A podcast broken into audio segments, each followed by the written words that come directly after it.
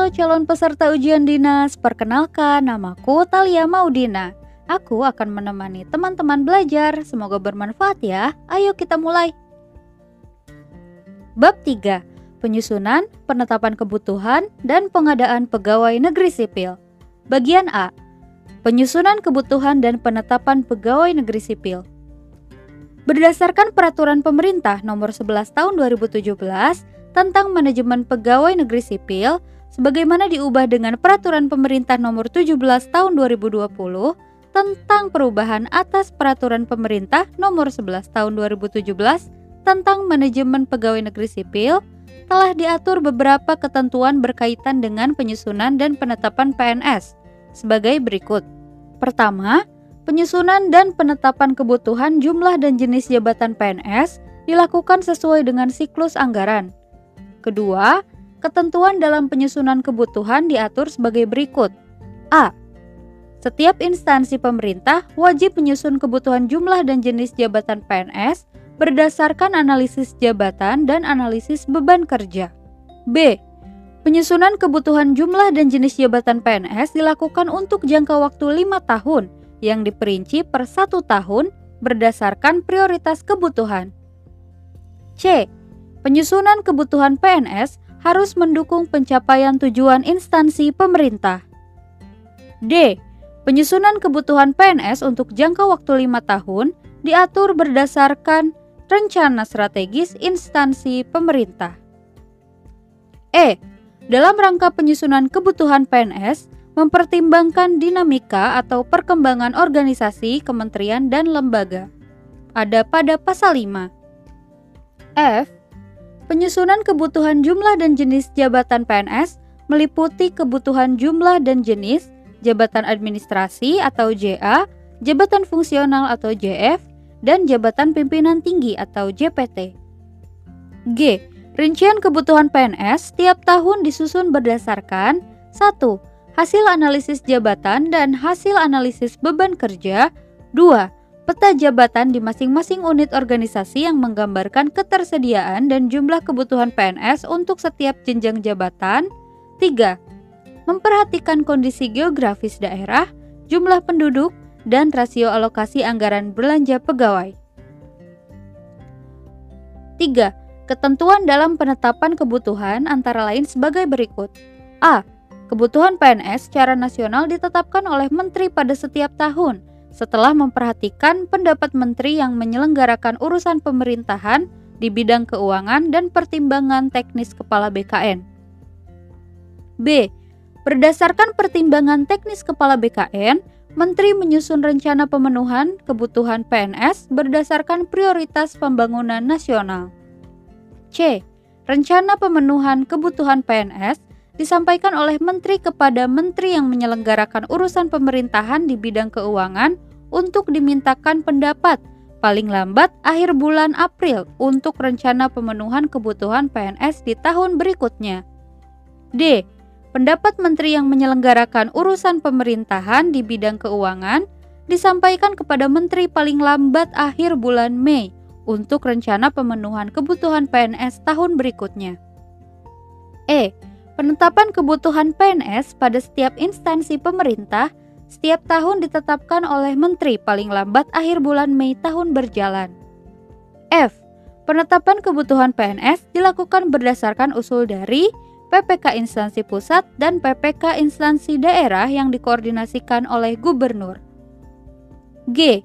Dalam pemberian pertimbangan teknis kepala BKN dan penetapan kebutuhan PNS oleh menteri, harus memperhatikan satu Untuk instansi pusat, susunan organisasi dan tata kerja, jenis dan sifat urusan pemerintah yang menjadi tanggung jawabnya, jumlah dan komposisi PNS yang tersedia untuk setiap jenjang jabatan, jumlah PNS yang akan memasuki batas usia pensiun, rasio jumlah antara PNS yang menduduki jabatan administrator, jabatan pengawas, jabatan pelaksana, dan jabatan fungsional, dan rasio antara anggaran belanja pegawai dengan anggaran belanja secara keseluruhan.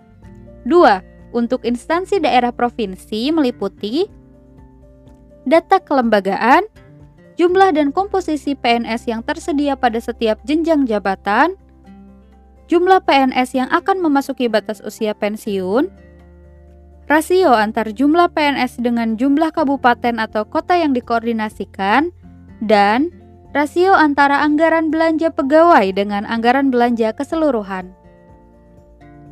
3. Untuk instansi daerah kabupaten atau kota, data kelembagaan, luas wilayah, kondisi geografis, dan potensi daerah untuk dikembangkan, jumlah dan komposisi PNS yang tersedia pada setiap jenjang jabatan, jumlah PNS yang akan memasuki batas usia pensiun, rasio antara jumlah PNS dengan jumlah penduduk, dan rasio antara anggaran belanja pegawai dengan anggaran belanja secara keseluruhan. Bagian B. Pengadaan pegawai negeri sipil.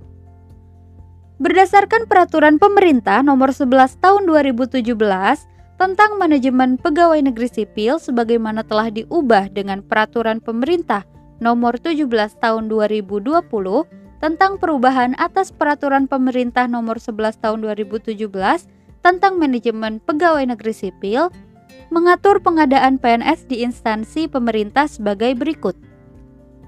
1. Pengadaan PNS dilakukan berdasarkan pada penetapan kebutuhan PNS. Kedua, untuk menjamin kualitas PNS, pengadaan PNS dilakukan secara nasional. Ketiga, pengadaan PNS merupakan kegiatan untuk mengisi kebutuhan A. Jabatan administrasi khusus untuk jabatan pelaksana B. Jabatan fungsional keahlian khusus pada JF ahli pertama dan JF ahli muda dan C. Jabatan fungsional keterampilan khusus pada JF pemula dan terampil. Keempat, dalam rangka menjamin objektivitas pengadaan PNS secara nasional, Menteri membentuk Panitia Seleksi Nasional Pengadaan PNS yang diketuai oleh Kepala BKN. Panitia Seleksi Nasional Pengadaan PNS terdiri atas unsur A.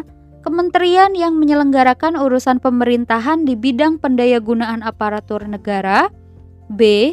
Kementerian yang menyelenggarakan urusan pemerintahan di bidang pemerintahan dalam negeri C. Kementerian yang menyelenggarakan urusan pemerintahan di bidang keuangan. D. Kementerian yang menyelenggarakan urusan pemerintahan di bidang pendidikan. E. BKN. F. Badan Pengawasan Keuangan dan Pembangunan dan atau G. Kementerian atau lembaga terkait. Panitia Seleksi Nasional Pengadaan PNS memiliki tugas 1 mendesain sistem seleksi pengadaan PNS.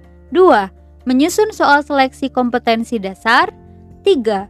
Mengordinasikan instansi pembina JF dalam penyusunan materi seleksi kompetensi bidang. 4. Merekomendasikan kepada Menteri tentang ambang batas kelulusan seleksi kompetensi dasar untuk setiap instansi pemerintah. 5 melaksanakan seleksi kompetensi dasar bersama-sama dengan instansi pemerintah. 6. Mengolah hasil seleksi kompetensi dasar. 7. Mengawasi pelaksanaan seleksi kompetensi dasar dan seleksi kompetensi bidang. 8. Menetapkan dan menyampaikan hasil seleksi kompetensi dasar dan mengintegrasikan hasil seleksi kompetensi dasar dan hasil kompetensi bidang. Dan 9 mengevaluasi dan mengembangkan sistem pengadaan PNS.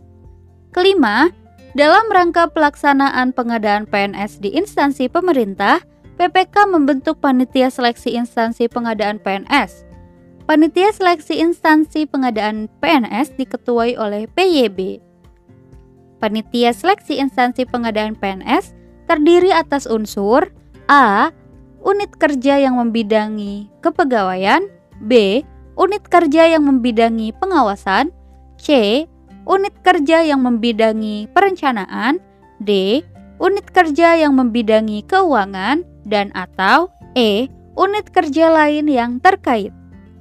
Panitia seleksi instansi pengadaan PNS mempunyai tugas 1. Menyusun jadwal pelaksanaan seleksi pengadaan PNS 2. Mengumumkan jenis jabatan yang lowong, jumlah PNS yang dibutuhkan, dan persyaratan pelamaran. 3. Melakukan seleksi administrasi terhadap berkas lamaran dan dokumen persyaratan lainnya sebagaimana tercantum dalam pengumuman. 4. Menyiapkan sarana pelaksanaan seleksi kompetensi dasar dan seleksi kompetensi bidang. 5. Melaksanakan seleksi kompetensi dasar bersama-sama dengan Panitia Seleksi Nasional Pengadaan PNS. 6. Melaksanakan seleksi kompetensi bidang. 7. Mengumumkan hasil seleksi administrasi, hasil seleksi kompetensi dasar, dan hasil seleksi kompetensi bidang. Dan 8. Mengusulkan hasil seleksi tes kompetensi bidang kepada Panitia Seleksi Nasional. Nah, demikian sesi belajar denganku. Jangan lupa kasih penilaian ya di akhir sesi mata pelajaran ini. Nah, selanjutnya akan diteruskan oleh teman saya. Semoga sukses ujian dinasnya.